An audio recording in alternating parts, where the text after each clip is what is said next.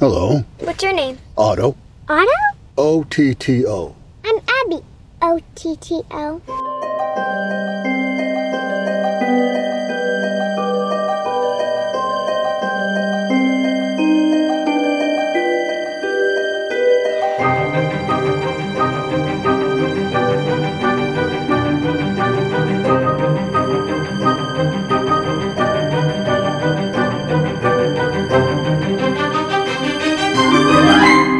Als je 63 jaar bent, net weduwnaar geworden bent en het werk ook stopt voor je in de staalfabriek, dan is het leven misschien niet zo gezellig meer. Dan is het misschien niet zo gek dat je wat chagrijnig bent van tijd tot tijd. Otto is dat niet.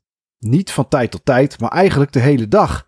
En naast chagrijnig zijn heeft hij nog één andere hobby en dat is het naleven van de regels. Otto's leven bestaat uit niets anders dan regels naleven en hij verwacht en wil dat anderen in en om hem heen dat ook doen. De buurt is daar niet altijd blij mee, maar lijkt wel begripvol.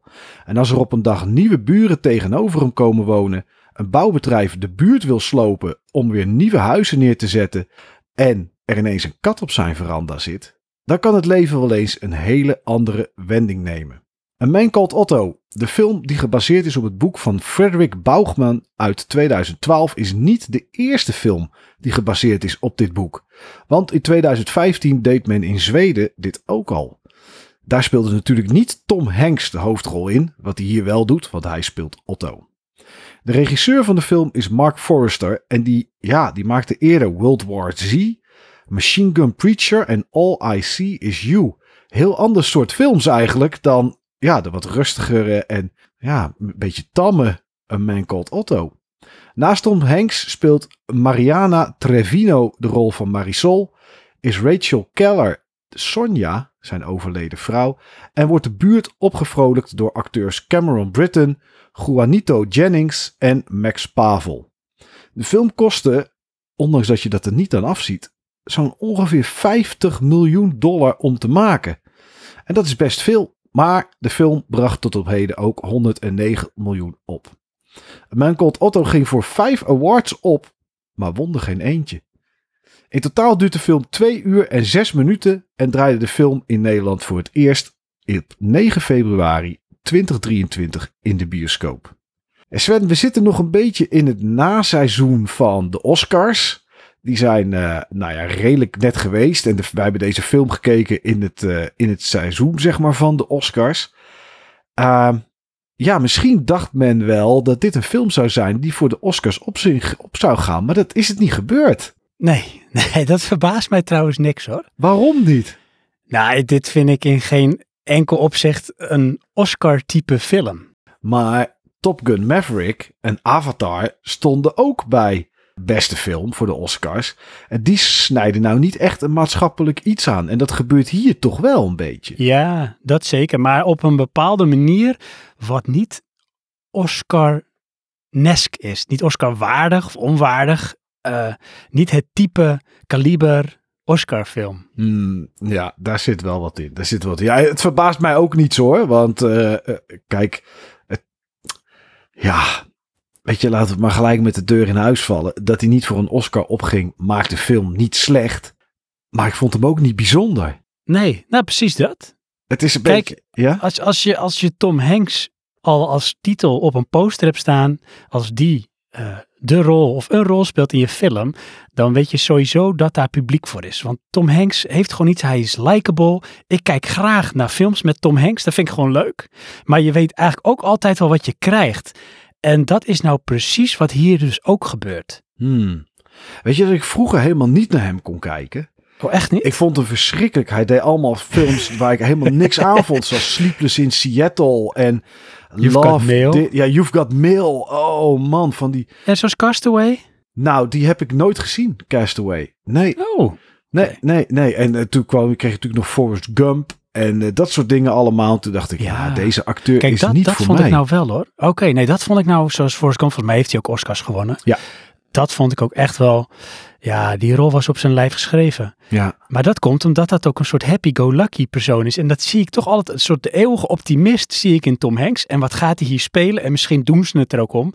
Een grumpy old man. Maar dat is meteen, en ik val daarmee maar even met de deur in huis. Mijn grootste probleem met deze film is dat ik Tom Hanks zie die probeert een grumpy old man te spelen, wat hij niet is. Dus hij speelt het. Hij is niet grumpy, hij maakt de geluidjes. Mm, brr, brr. Idiot of zoiets, zegt hij dan heel vaak. Maar ik, het is zo gespeeld. Dus ik zie nog steeds een gezapige, vriendelijke, eh likable Tom Hanks die probeert een soort grumpy old man te spelen. Hmm. En dan weet ik, daar gaat iets in die film gebeuren waardoor dat langzaam zal gaan draaien. Ja. En dan is het weer Tom Hanks, zoals ik hem ken. Maar jij vindt hem dus eigenlijk slecht acteren, deze rol. Nou, kijk, nee, Of ik vind vind je dat hij goed juist acteert. acteren en is dat het Ja. probleem? Ja, kijk, soms heb je, en dat heb ik wel eens in eerdere afleveringen gezegd, dat je bijvoorbeeld iemand ziet. En eh, neem bijvoorbeeld wat we toen hadden met ehm, What's Eating Gilbert Grape. Dan Ja. had je dus eh, Leonardo DiCaprio. En die speelde niet dat gehandicapte jongetje, die was dat gehandicapte jongetje. Ja. En hier zie ik gewoon Tom Hanks en die speelt een grumpy old man. Maar het is Tom Hanks. Het is niet echt een grumpy old man. Hmm. En dan, dan heb ik dus, ik kan me daardoor moeilijker in het personage verplaatsen. En dat staat dan voor mij los of hij het slecht acteert. Maar hij is gewoon niet geschikt, vind ik, voor deze rol. Ja, ja. Ja, ik moet ook zeggen dat er ook dingen gebeuren in de film. Kijk, het is vrij aan het begin dat hij, hij probeert op een gegeven moment zijn eigen leven af te nemen. Want hij is er wel klaar mee. Ja. En dan denk ik, ja, maar dit vind ik niet iets voor Tom Hanks. dat moet hij niet doen. Nee, Tom, dat is, het is wel nou vreemd. Ja, dat snap ik wel. dat snap Ja. ik wel. Dat je, dat je dat gevoel erbij hebt. En denk ik, ja, maar hè? Ja, ik bedoel, ik heb je een tijdje terug nog gezien in Captain Phillips. En toen ging je je boot Ja. proberen te, te redden van Somalische piraten. Precies. En, en, nu, en, nu, en nu in één keer laat je je gas afsluiten, want het is allemaal te duur. Wat is hier aan de hand? Wat is dit? Ja, en dat is ook weer een ding. Ehm, en er komen zo direct ook wel dingen die goed zijn in deze film. Want ik heb toch uiteindelijk, en ik heb tegen jou gezegd van, ik had een bepaald beeld dat ik deze film zou gaan kijken. Want ik had hier geen zin in, in Nee, deze film, om nee. het zo maar te zeggen. En eh, bij alle films ben ik er eigenlijk anders uitgekomen dan eh, dat we erin gingen die we zeg maar deze ronde gaan bespreken. Oké. En dat was bij deze film dus ook. Dus uiteindelijk heb ik wel genoten van deze film. Dat kwam naarmate zeg maar, de film vorderde en het eh, ja, een beetje qua sfeer veranderde. Ehm, maar er zitten bepaalde dingen en daar stoor ik me aan. En dat, dat haalt me uit de film. En het is onder andere wat jij nu benoemt van hij is eigenlijk het leven zat. En hoe dat komt, nou, dan moet je die film maar voor gaan kijken. Ja. Want dan krijg je ook wat meer empathie waarschijnlijk. En dan krijgt het personage meer diepgang.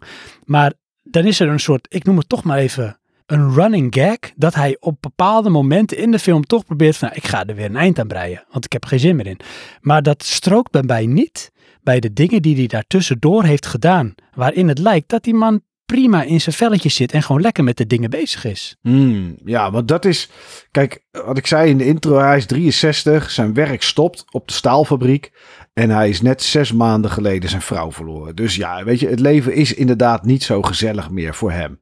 Mhm. Maar toch staat hij elke dag op. Verzorgt hij zich netjes. Doet hij ontbijten. Gaat hij buiten de buurt in. Gaat hij papiertjes oprapen die op de grond ligt. Hij gaat afval scheiden. Hij controleert of het hek van het stukje straat waar hij in woont, of dat dicht is. Of er geen mensen op het gras geparkeerd zijn. Allemaal van dat soort dingen. Waarvan je zou zeggen, als je het leven zuur bent, ja, dan boeit je dat ook allemaal niet meer. Waarom zou je daar dan nog iets mee gaan doen? Precies. En ja, dat Precies is, dat. dat is eigenlijk wat hij de hele dag doet. Hij doet eigenlijk niks anders meer dan dat. Totdat er nieuwe buren tegenover komen, komen wonen. Een gezin, een man en een vrouw met twee kleine kinderen. Dus drukte. Eh, man nogal onhandig. Vrouw nogal dominant. Eh, vooral over die man en ook wel over hem heen. Ook over Otto. Ja, Op een gegeven moment hè, probeert ze toch een beetje zo van... eh, kom op, eh, ga met me mee. Of kom op, doe dit. Of, nou ja, hij wordt er een beetje in meegesleurd. En ja, dat, dat moet dan, en of dat gebeurt, nou ja, dat is aan, eh, dan moet je de film maar voor kijken. Maar dat moet dan toch misschien proberen hem een beetje weer op de been te krijgen. ja, inderdaad. Ja, en eh, wat ik dan op zich wel weer leuk vind is, eh, dat zorgt natuurlijk voor een bepaalde frictie en ontwikkeling in het verhaal. En daardoor kom je ook wat meer te weten over Otto en over zijn verleden. Eh, dat hij niet altijd zo is geweest. Hè? Als we even Nee. toch even erin duiken van dit is gewoon een grumpy old man. Nou, dat is hij dus niet zijn hele leven geweest. En dan zie je zeg maar in snippets, in flashbacks, zie je eh, hoe die Sonja, zijn vrouw, leert kennen. Hoe ze uiteindelijk naar dat buurtje daarheen verhuizen. En ja, hoe er dus dingen gebeuren, gebeurtenissen. Met name iets wat er gebeurt eh, als zij op reis zijn samen. En wat de gevolgen daarvan zijn. En dan snap je natuurlijk wel beter dat hij steeds meer verbitterd raakt. Ja. Dus dat snap ik wel. Alleen, ja, ik heb dus nooit de Zweedse versie gezien. Hè? Dat is Nee, ook En man som heter över, om Ja. het zo maar te zeggen, Ja. denk ik. Ja, nou, ik denk dat je het goed doet hoor. Ja, ik denk ook Beter wel. dan je. Chinese en Japanse namen. Dat is absoluut waar. Ja. Eh, ik weet niet hoe eh, daarin, zeg maar, dit geacteerd werd. Weet je, misschien was dat wel iemand die echt ook als een grumpy old man neer werd gezet. Ja, ja. Maar wat je zegt klopt hè. Je ziet waarom die is zoals die is. Toen je dat eenmaal gezien had, kreeg je toen een beetje begrip voor zijn grumpiness. Ja, dat. Dus dat. Kijk, en dan is het nog steeds voor mijn gevoel. Ja, het is wel Tom Hanks die het speelt. Dat vind ik ergens jammer, want het stoort me. En dat wil ik niet. Want ik begon deze film steeds leuker te vinden. Omdat ik op een gegeven moment dacht van, ja, maar wacht even. Ik ga hier misschien wel een beetje met de verkeerde verwachting in. Hmm. In eerste instantie omdat ik dacht, ik heb er geen zin in. Toen ging ik kijken en denk, nou, is Tom Hanks. Ik vind Tom Hanks eigenlijk altijd wel leuk. Ja, En dan is het van, ja, maar wacht even. Tom Hanks films hebben altijd wel een soort happy-go-lucky. En het leven komt uiteindelijk toch wel goed, weet je wel. Ja. Dat zit er gewoon altijd in bij de films. En toen ik dat een beetje omarmde, van ja, dat komt nog wel. En dan gebeuren er dingen. eh, en hij ontwikkelt, hij verandert ook wel een beetje. En dan zie ik steeds meer de Tom Hanks zoals ik hem graag zie. En dan is hij nog steeds die Otto, maar dan wel iets meer met het karakter van Tom Hanks. Ja, En ja. dan gebeuren er ook wel echt een beetje comedy feel-good eh, dingen. Amerikaans, maar ik hou daar toch ook wel een beetje van. En dan zat ik toch te genieten van wat er gebeurde. ik, ehm, ik vond het genieten toch best wel lastig bij deze film. Het is, het, het, eh, de film slenterde voor mij een beetje.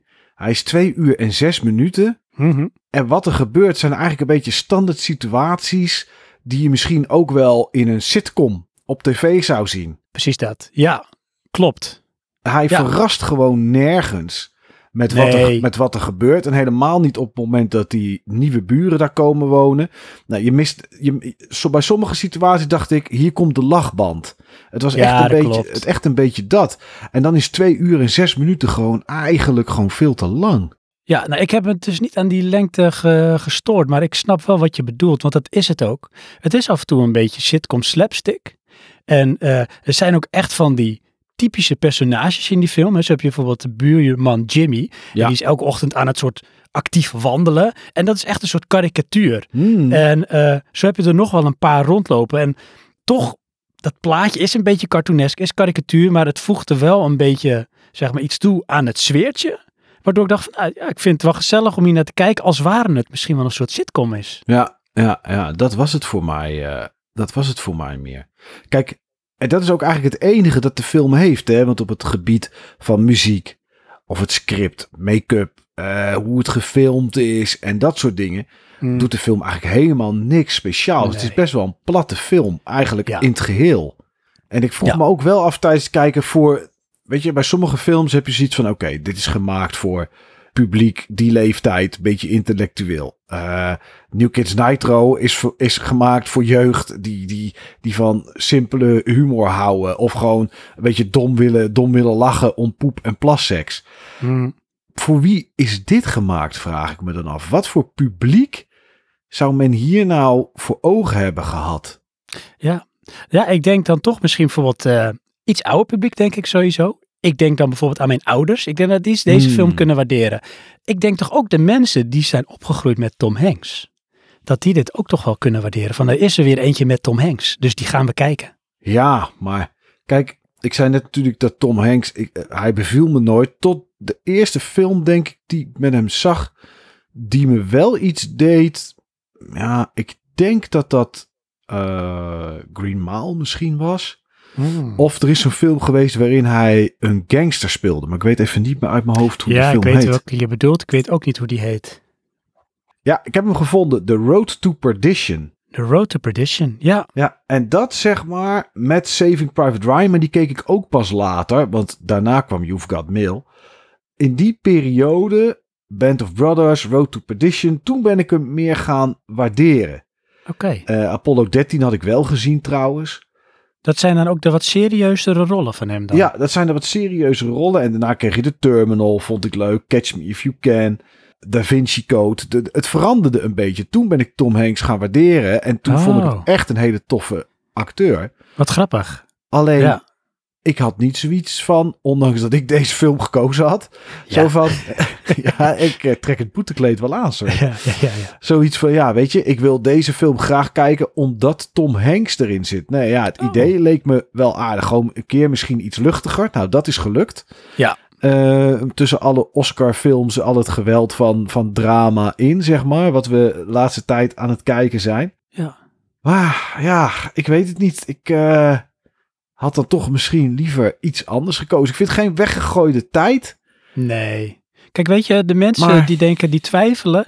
Kijk, je gaat niet eh, misschieten bij deze film. Weet je, dus je hebt geen eh, verpeste avond, denk ik, als je deze film gaat kijken. Nee. Het is een film met een lach en een traan. Wat ik moet wel zeggen, ook op het einde was ik echt wel ontroerd. Hmm. En ehm, ja, dat is wel knap, vind ik even goed voor zo'n film.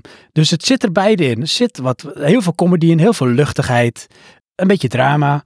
Ja, en dat, dat balanceert wel op die manier. Het kabbelt wel voort, het is wat lang. Maar ik denk niet dat je een slechte avond hebt als je deze film hebt gekeken.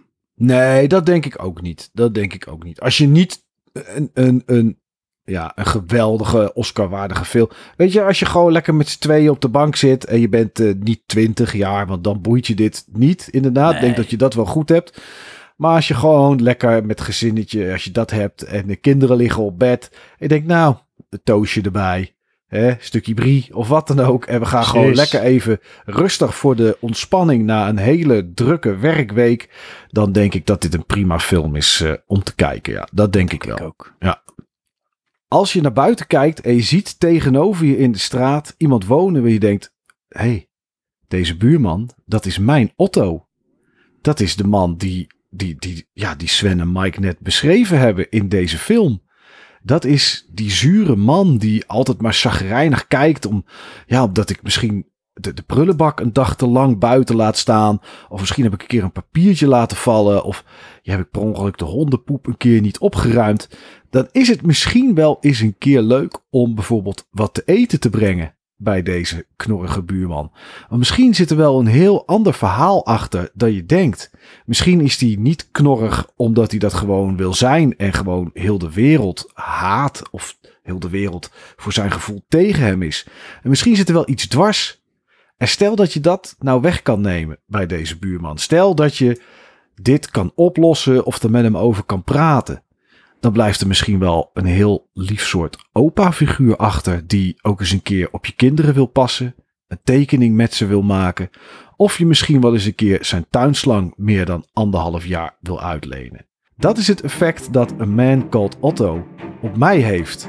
Ik heb alleen geen oude, saaie, zagrijnige buurman.